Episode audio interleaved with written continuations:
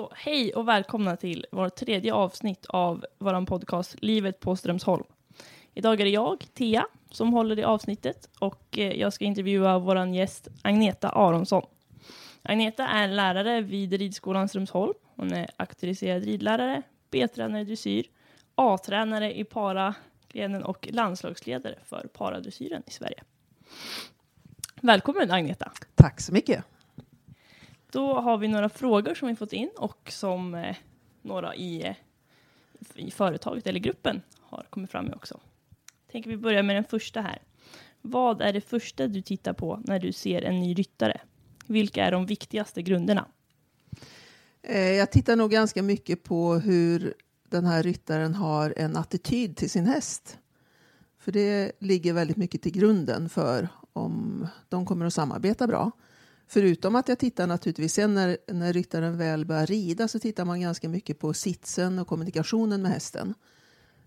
Så mycket med kommunikation, eh, ja, harmonin mellan ryttare och häst. Och sen kan man kanske börja med eh, sitsändringar och hjälp med inverkan och så vidare. Mm. Vilka är de viktigaste egenskaperna hos en bra ryttare? Eh, man måste ha mycket tålamod mm. eh, och förstå hästen.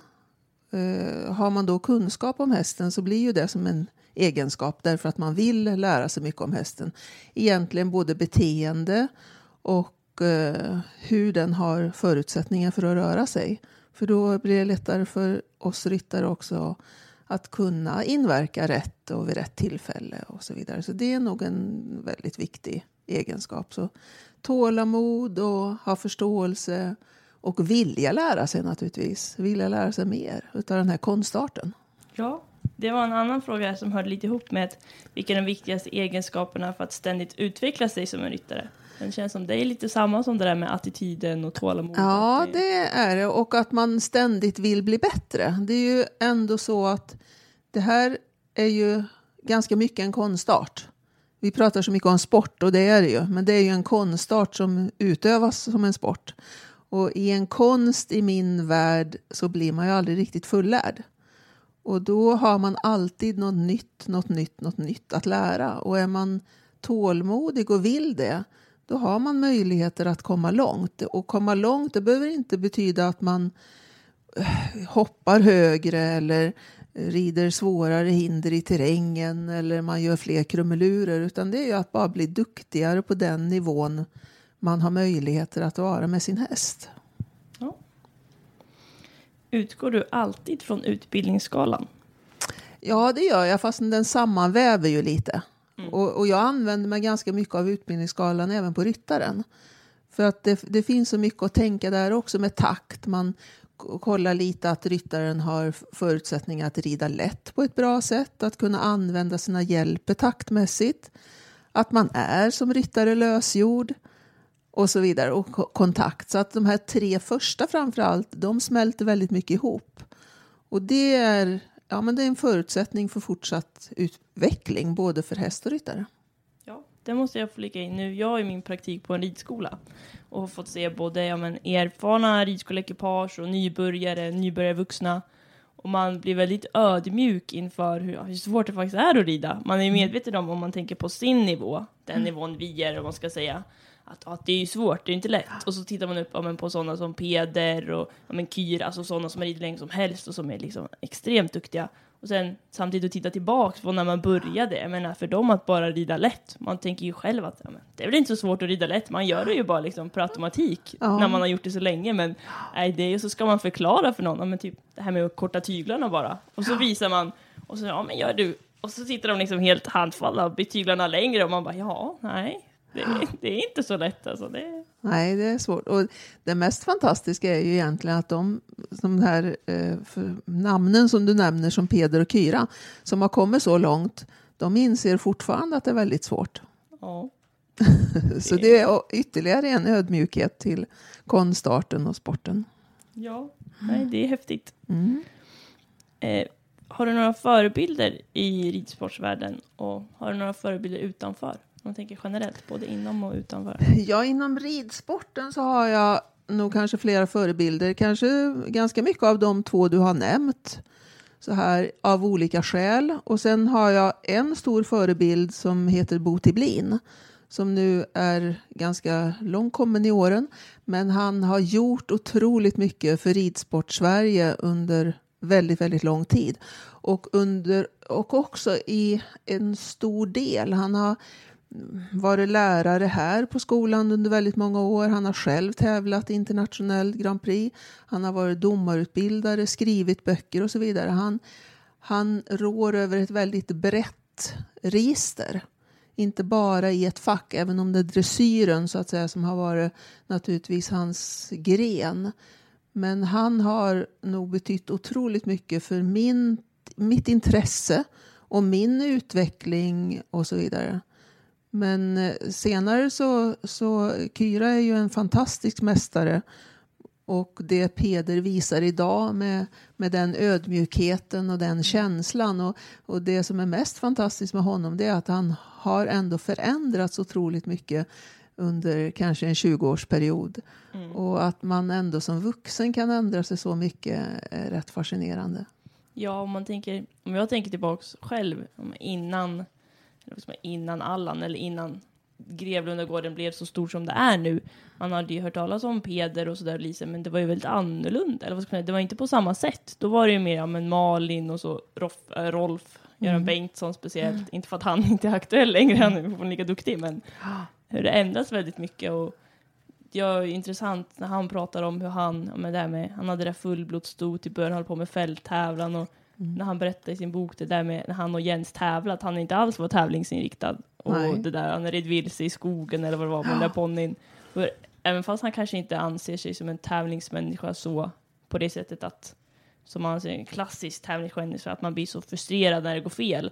Så man kan ju inte säga att han inte är det, för det går ju bra. Och han, uppenbarligen mm. vill han ju göra rätt, så någon slags tävlingsmänniska är han ju ändå. Ja, väldigt det är han, men det är väldigt annorlunda, precis som du säger, mot vad det var när han började och likaså även när han red fälttävlan och så vidare. Så nu, är, nu gör han det verkligen som en konstart i sporten. Ja, där kan man verkligen prata om mm. konst. Och, ja, nej, det är häftigt. Hur många hästar har du? Och eh, hur lägger du upp träningen för dem? Jag har en häst som jag rider regelbundet nu. Jag har under alla år egentligen haft två hästar, så jag har haft en yngre och en äldre så att man ändå har mm. haft det. Men nu har jag en och jag tycker det räcker. Det, däremot är det väldigt väsentligt att jag rider. Det är verkligen en förutsättning tycker jag för att kunna undervisa andra. Det har jag liksom aldrig förstått varför man inte rider samtidigt som man undervisar. För att det är så mycket så här att man vill ha den känslan och jag ska ändå försöka överföra saker och ting. Om jag har det i undervisning så tänker jag hur skulle jag själv ha gjort? Inte bara rent tekniskt ur boken utan hur skulle jag ha gjort? Kan jag överföra en del av det jag skulle ha gjort till min elev? Så det är eh, väldigt, väldigt viktigt. Och, eh, och då klart, den hästen jag har idag, eller det jag, så har jag mer eller mindre bestämt mig för att det inte är nödvändigt att tävla längre. Det har jag gjort väldigt många gånger och jag har gjort det på många hästar och har tyckt att det har varit väldigt kul, men det är inte det som driver mig. Det har aldrig varit tävling som driver mig och det är jag glad för därför att då uppskattar man varje träningspass på ett annat sätt. För även om man tävlar mycket så gör man det otroligt sällan i förhållande till vad man tränar. Mm. Och då känns det så här att nej, men det är inte nödvändigt att tävla längre. Men jag, jag tränar för för många olika sakers skull då naturligtvis för att kunna bli bättre och bättre på att undervisa och så här. Och då, jag tränar nog, alltså när jag tänker på mina pararyttare som rider och tränar mycket, jag tränar ju mer än dem fastän de ska rida ett Paralympic och ett VM. för mm. tränare alltså. Ja. Alltså jag rider ju för en eller två tränare varje vecka. Och sen rider jag dessutom liksom för mig själv och tillsammans med Ulf och så flera andra gånger. Men jag tycker det är så fantastiskt att träna. Betyder det att dina pararyttare måste träna mer eller är det att... Alltså lite både och skulle jag säga. Nu får, ligger de i en fas där de måste faktiskt göra det inför Tokyo. Mm. För konkurrensen blir bara tuffare och tuffare. Sen klart att det är, jag har ju förmånen att vara på den här platsen och då finns det folk här. I min närhet så det kanske är lättare för mig på det sättet. Många andra ryttare måste åka iväg och det är sällan då tränaren kommer och så vidare. Och då är det ju inte lika lätt, förstår jag. Nej, det kan man ju förstå.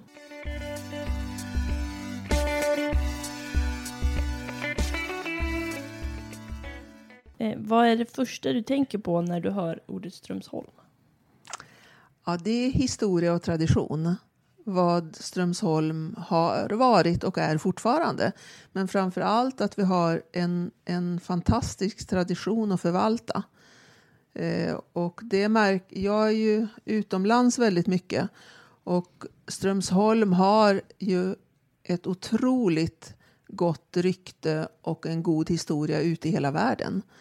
Eh, genom sin unika ridlärar ridlärarutbildning kan man säga. Och det hänger ju ihop med att vi har den ridskolekulturen som vi har i vårt land som inte finns i något annat land. Och då har vi också haft möjligheten att förse eh, ja, de här ridskolorna med ridlärare. Det har ju varit det som var huvudpunkten kan vi säga. Sen är det ungefär som jag säger, man, man tävling ingår på något mm. sätt, att man tävlar. Men man håller inte på med det för att tävla. Nej. Och så är, har det varit här också. Det ingår i utbildningen kanske att man tävlar och det ingår i hästens utbildning att man tävlar. Men det gäller att liksom bli bra ryttare, bra hästmänniska och det har ju Strömsholm en oerhörd tradition i och välbeprövad kan man säga. Du, om du har varit mycket utomlands, hur, eh, vad är det som gör just Strömsholm och liksom Sveriges den här Kulturen unik? Eller vad är det liksom som skiljer sig som gör att det är så annorlunda? Ja, det, det, egentligen är det nog så här att man, de flesta ridskolor ute i världen och i Europa ska jag säga i alla fall, är privatägda eh, ryttare skaffar sig egna hästar tidigare därför att man i andra länder har man mycket fler utbildningsstallar. Så ridskolorna här i vårt land har fått så under alla år sedan det startade på 50-talet då det blev stor ridskoleverksamhet på 50 och 60-talet så fick man väldigt mycket kommunala bidrag. Och det är ju få ridskolor som är privatägda. Och de sköts ju helt fantastiskt men vi har ju en otrolig mängd med ridskolor som kommunerna stöttar i ungdomsledarskap och så vidare. Och det innebär ju att ridningen blir en folksport. Och vi har då däremot inte lika många utbildningsstallar och det är också ganska dyrt att ha häst i Sverige i förhållande till längre söderut i Europa. Vi måste ha isolerade stallar, isolerade ridhus och, och så vidare. och så vidare. Man kan inte ha hästarna ute året runt och, för det finns inte gräs och så. Så att kostnadssaken, men framför allt det, att ridningen har, har alltid varit som en folksport. Alla människor har möjlighet att rida. Man måste inte ha en egen häst. Och så är det inte i andra länder. Alltså både på gott och ont. Det märker man på tävlingsverksamheten kan, kan vara då. Att man kanske har större möjligheter att äga häst och så vidare. Då. Men vi, vi har ju en i det avseendet en unik ridskoleverksamhet. Ja. Hur har RS utvecklats under din tid här? Ja, framförallt har det utvecklats i mängd kan jag säga och även i eh, nu har ju jag jobbat med gymnasiet sedan jag kom hit men om jag tittar sen jag började att gå utbildningen själv mm. så var det ju en ren utbildning för vuxna. Ja. Det var ju absolut inte ungdomar. Ungdomarna var här och gick ungdomsledarutbildning som ridsportförbunden hade. Men det, då ingick inte ridning. Man tittade mycket på ridning och man var i stallarna och så vidare och hade verksamhet. Och man hade sommarkurser på skolans hästar. Men man hade ingen utbildning för ungdomar. Hästskötarkurser fanns också. Men det fanns liksom ingen ungdoms utbildning. Får man så, fråga vilken, vilka år det rör sig om här när det inte var ungdomar utan alltså, bara vuxna? Och... Det var ända fram till gymnasiet startade 85-86. Då kom det ju, då, då kom man, inte direkt från nian då, Nej. för då hade de ett år, för det var två år i gymnasiet då. Ah. Och då, de, det fanns någon enstaka som kom direkt från nian, men de flesta hade varit ute och arbetat kanske som, elever på ridskola eller att de hade gått någon sån här barn och ungdom och sen hoppat av och ville gå mm. här. Men de var ju fortfarande, alltså från 16 års ålder. Innan dess så var det ju vuxenutbildning. Det var inga som var under 18 år. Sen har det naturligtvis ändrats därför att från den militära tiden så var det ju män. Och långt senare, alltså militären var ju, har ju på sedan slutet av 1800-talet. Mm. När du lyssnar på det här så är det ju väldigt långt tillbaka. Ja. och för många som lyssnar på det. Men eh, ridskoleverksamheten under eh, 50 och 60-talet som ökade så mycket, då var ju det en militär utbildning här. Och då finns det några civilister, alltså Ulla Håkansson som alla känner till. Hon var en Ja. av de första kvinnorna som gick här 59-60 tillsammans med sin syster. Och sen då 67 så blev det civilt. Och då kom det ju mera kvinnor och civila och så. Men ungdomarna de kom vid ungefär 86 års ålder. Det är ändå Ja. väldigt länge som gymnasiet har varit. Jag har inte tänkt på att det varit. ja. För jag började jobba 88 och då övertog jag andra årskursen. Mm. Och då gick de två år. Och sen blev ju alla gymnasielinjer treåriga. Mm. Och då övergick det ju även det här då till treåriga. Var det ridledare då också som gymnasiet gick? Mm. Ja, det var faktiskt det. Fast det hette inte på det sättet. Men de, de som, det var 16 elever per årskurs. Och över 500 sökande. Oj. Så det var ganska tufft. Det var en oerhörd gallring kan jag säga. Och då, då fanns det ett lägsta betyg på skolan naturligtvis, skolbetyg. Mm. Men man hade antagningsprov och då genom att det var så många och så tuff konkurrens så bestämde man sig för att det skulle bli en ridskolelärarutbildning. Mm. Så man skulle bli, det var en annan titel så att säga. Så under de här två åren så, så blev man ridskoleinstruktör. Och då delgavs man ungefär lika mycket som en SRL 2 idag, men man hade inte den praktiken. Nej. Så när man hade gått ut de här två åren om man ville fortsätta så arbetade man och sen kunde man ansöka om att vara typ då SRL 2. Väldigt många av dem som finns här runt omkring oss har ju gått den utbildningen. Charlotte Hyde var en av de första vi hade. Och Ja. Sen eh, rektorn på folkhögskolan, Eva Lundqvist. Gisela som är en av cheferna upp på förbundet. Lotta Lövstrand. Alla de här som finns. många. De hade ju jag som på gymnasiet bland annat. Kan du berätta lite mer om gymnasiets utveckling då? Förutom det här från två år i tre år i år. Ja, men det har väl blivit en utveckling så först och främst då att man tar in elever redan från nian så att de Mm. är yngre. Och sen har, är de ju väldigt många fler. Alltså Mm. en klass på 32 elever är stort. Jo. Det är väldigt stort. Och det märker man ju när man är i, i eh, ja, inte i ridhuset, i lektionssalen ska jag säga. I ridhuset så är det ju fortfarande flera grupper så här och det var Ja. det då också. Sen tror jag så här att vi har fler elever idag som av, ja, precis som, som i övriga landet, att man kliver av ridskolan i min värld lite för tidigt. Mm. Att man blir inte kvar på ridskolan tillräckligt länge. Och det tycker jag man märker idag på eleverna, att de som, som har en tradition att komma från en ridskola, de har ganska många fler verktyg med sig i bagaget. Därför de har av naturliga skäl tvingats att rida många olika typer av hästar på ridskolan. Först i ponnyer och rida olika, man kanske rider olika varenda vecka. Och då får man ju erfarenheten att sitta upp på olika typer av hästar och kunna även redan där bli lite tolerant och få en ödmjukhet för olika individer. Och också eh, kanske i det läget ett bättre temperament, att man kan vara mer harmonisk. Medan många elever idag kliver av tidigt, har sin egen ponny och kanske är jätteduktiga, men de är duktiga på en häst. Mm. De har väldigt få verktyg med sig. Och det ser man skillnad på idag. Det blir fler och fler som inte hänger kvar på ridskolan och det är väldigt tråkigt. För de missar otroligt mycket i sin fortsatta utbildning. Ja, det tycker jag ändå att det är ganska många, om man tittar på, på min klass, så är det ganska många som kommer från ridskolan då. Som inte har haft egen häst innan. Mm. Eh, jag vet inte hur det varit innan, för förut har det väl varit mer sportinriktat gymnasium här, vad jag har förstått. Där man haft egen häst mer. Mm, det är ganska många som har haft egen häst men kanske också på en nivå så att man inte har utvecklat så mycket. Och det är ju många elever som har uppfattat därför att våra hästar är ju otroligt välskolade.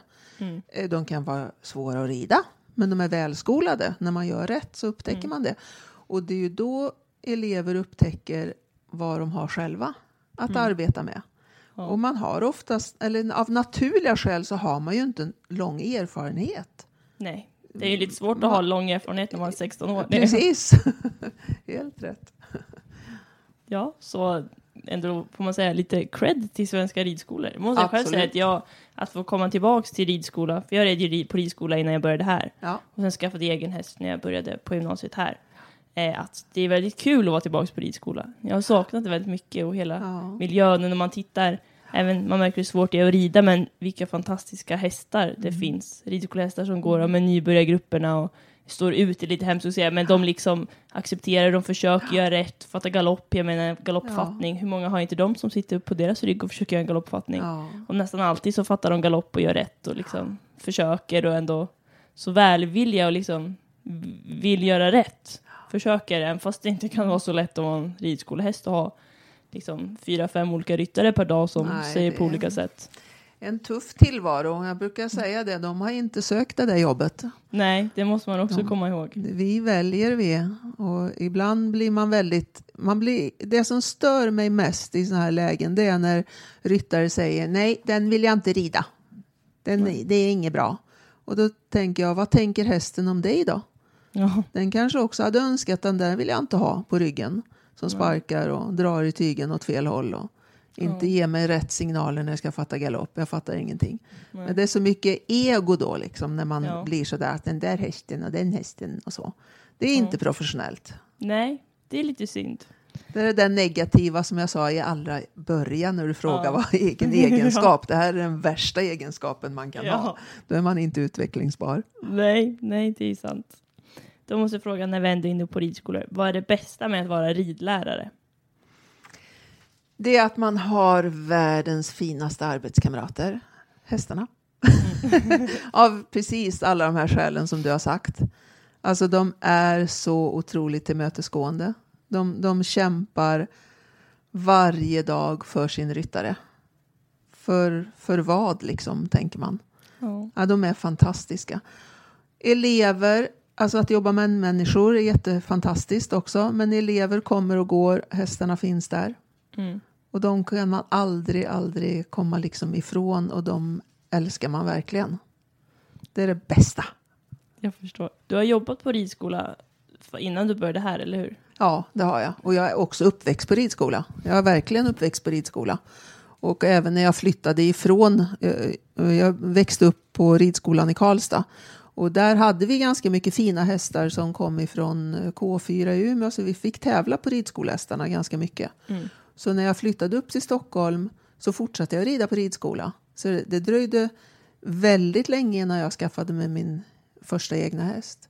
Och då- då kom man in i verksamheten på det sättet att man eh, hade ungdomar i teori och man hade barnridning. Och, ja, och så fortsatte jag på ridskola i Stockholm och så vidare. Så att, och varit på ganska många ridskolor. Men jag har inte jobbat heltid på ridskola. För jag, när jag kom upp till Stockholm så jobbade jag med andra saker och sen jobbade jag på Ridsportförbundet. Och då jobbade jag på många olika ridskolor och hade många olika lektioner. En ridskola som bara hade fjordingar utomhus. Det var Ja, en fantastisk upplevelse. Ja det förstår jag. Inte Tafsnäs eller? Nej, det var uppe i Stockholm. Som, den finns inte längre. Men då, de hade bara fjordingar, väldigt, väldigt välskolade. Och man red ute året runt. Jättefina eh, ridbanor hade de. Så det var liksom ridning på ridbana under belysning och så här. Ja, då fick man ha kläder efter vädret. Ja, men precis.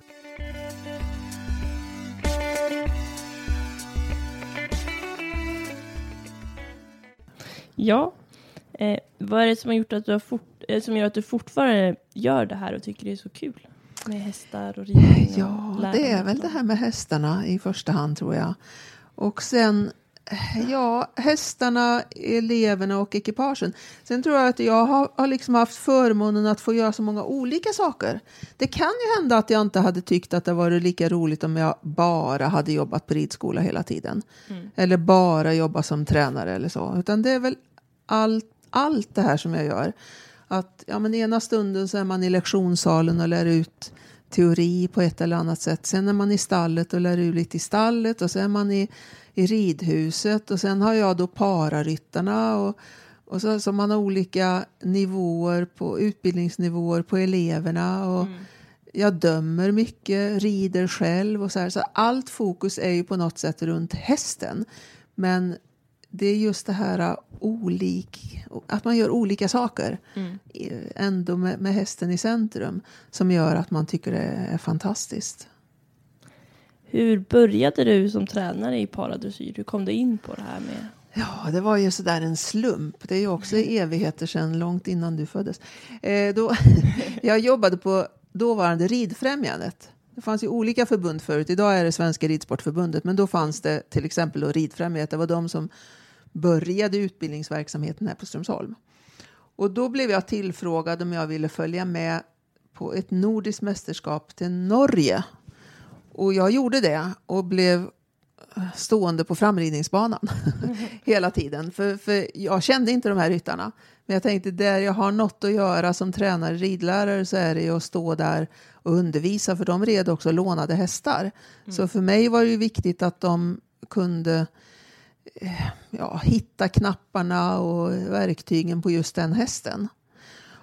Och då var många av de här ryttarna hade naturligtvis inte börjat så som många av oss, att man sprang på ridskolan när man var liten och var där dygnet runt och så här. Utan många hade väl börjat på ridskola för en, dels i en terapeutisk del eller rehabilitering. Så de utsättes inte, så flera av dem utsattes inte för en tränare eller ridlärare. Och för mig så var det ju så här att ja, men de är ju ryttare. Jag måste ju kunna säga även till den här blinda tjejen ser det för ungefär. Mm. Eller nu måste du driva lite mer fast man inte har ben och så här. Ja. Så jag undervisade precis som jag undervisar dig. Mm. De var ryttare. Och det här hade de inte då kanske känt av på samma sätt och då fanns det ett stort intresse för dem att jag skulle fortsätta att träna. Så i inledningsvis så var jag ju under väldigt, väldigt många år landslagstränare för dem. Mm. Och sen så fortsatte det liksom på det sättet och, och eh, ja, nu är det väldigt många år. Ja, så de behövde i princip någon som sa åt dem att driva med benen när de inte hade några Ja, men ungefär så. Ja. Hur är det att jobba med att ha folk som har, ska man säga, inte hinder, men andra förutsättningar och som det här med instruktioner? Hur? Ja, men det är rätt spännande, eller det är väldigt spännande. Dels så ändrar jag inte speciellt mycket på instruktionerna. Det gör jag inte. Sen behöver jag ju inte säga se det för om de är blinda. Jag har haft ganska Nej. många blinda.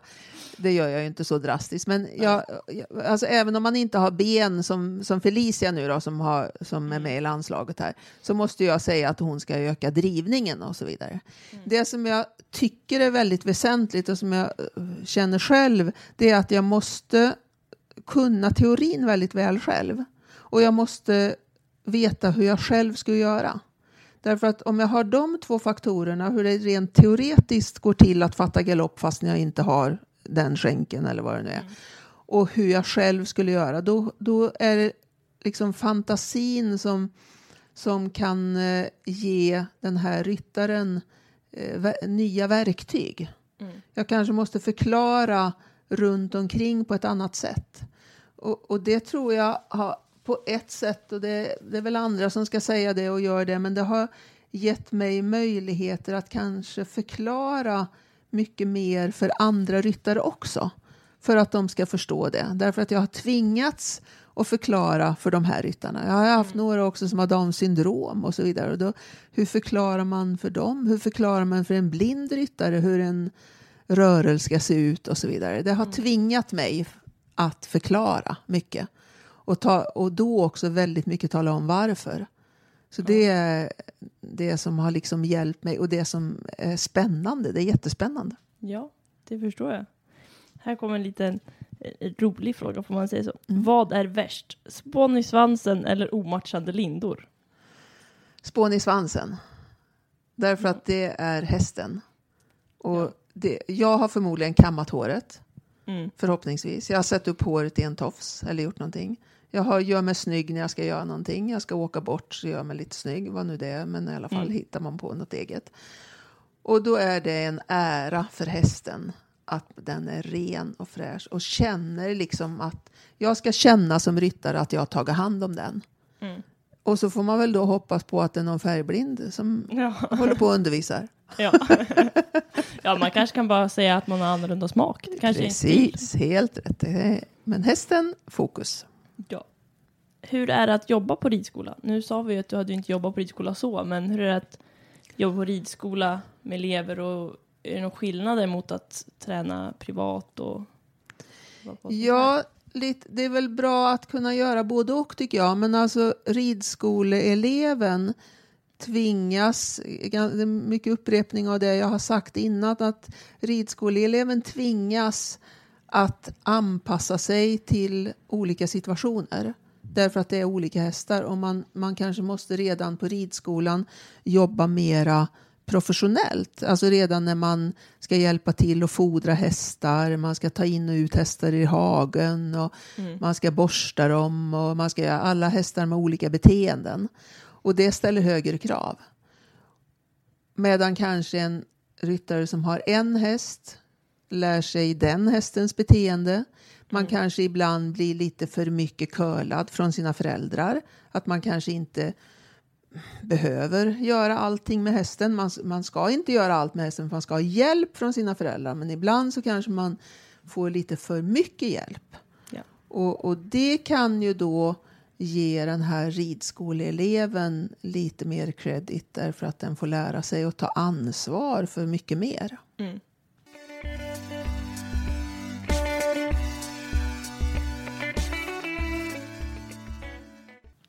Vad är det roligaste minnet du har med eleverna på gymnasiet? Oj, oj, oj, jag som har så många roliga minnen. Och så ska man komma fram till ett sånt där roligaste minne. Oj, oj, oj. Åh, det var den svåraste frågan, Tia, på hela tiden. Jag kan ju säga att den frågan det kommer från en gammal gymnasieelev. Så Precis. de kanske Och- syftar på något speciellt här. Förmodligen gör den det, men då måste man nästan få en liten hint om vad det Ja. ska vara. Jag brukar skoja och säga faktiskt om, och det är, det är också en gammal elev, Lotta Lövstrand nu som arbetar eh, faktiskt här på skolan och jobbar Mm. med hippologerna och så vidare. Hon heter Lotta Hillbom då. Då kan jag säga att när de gick här då, vi hade inga husmödrar. Nej. Det var ganska mycket ordning och reda om jag säger så. Eh, och det var inte så där att man försov sig eller kom för sent eller så. Och hade de varit ute och festat på kvällen så stod de där på morgonen. Punkt. Alltså det var inte att tala om något annat, att någon annan skulle få slava eller att hästarna Nej. skulle lida för. Och då var det ett tillfälle som Lotta hon försov sig. Hon var inte nere vid stallet när hon skulle. Så jag åkte upp till Åsvillan och hämtade henne och bonkade Mm. på dörren och sa och lyfte henne i nackskinnet och sa där är stallet. Och hon ringde hem, det här berättar hon själv för andra så att det är inte Ja, jag säger om okej. henne. Hon, han använder det som, ett, eh, som en rolig sak. Och då ringde hon hem till sin mamma och sa att "Ma, jag vill sluta här och det här går inte bra. Och mamman var tuff. Hon sa nu har du tjatat om det här så länge så du stannar kvar. Och då säger Lotta till mig, det var vändningen för mig, sa hon, som gjorde att jag fick den finaste under, utbildningen som jag någonsin har fått. säger hon. Därför att det var någon som bara talade om för mig, så här gäller. Annars kanske jag hade vikit av och Ja. slutat. Ja. Men hon blev en väldigt duktig ridskolechef och har visat det flera gånger om och lärare och så. Sen är det ju massor med såna här roliga saker som har, som har hänt naturligtvis. Är att, usch, jag kan inte plocka fram någon enstaka. När de påminner mig så här så kommer jag ihåg så här, just det, det var ju roligt Ja. och det var roligt. Det är alltid något som är roligt. Ja, ja. men vad bra. Men med det så vill jag tacka för den här intervjun, Agneta. Det var jättekul att få prata med dig och jag hoppas att eh, alla som lyssnar kommer uppskatta avsnittet. Jag har i alla fall gjort det. Det är väldigt tacksamt att prata med dig Agneta för du förklarar alltid så bra och förklarar så man behöver bara säga någonting och så får man allt. Så det är, man behöver inte sitta här och vara någon proffsreporter och kräma ur någon information. Så det är härligt. Ja, vad roligt. Tack så hemskt mycket. Det var jättekul att få vara med. Det Ja. uppskattar jag. ja, tack för att ni har lyssnat och hoppas att ni uppskattar det här avsnittet av Livet på Strömsholm. Tack!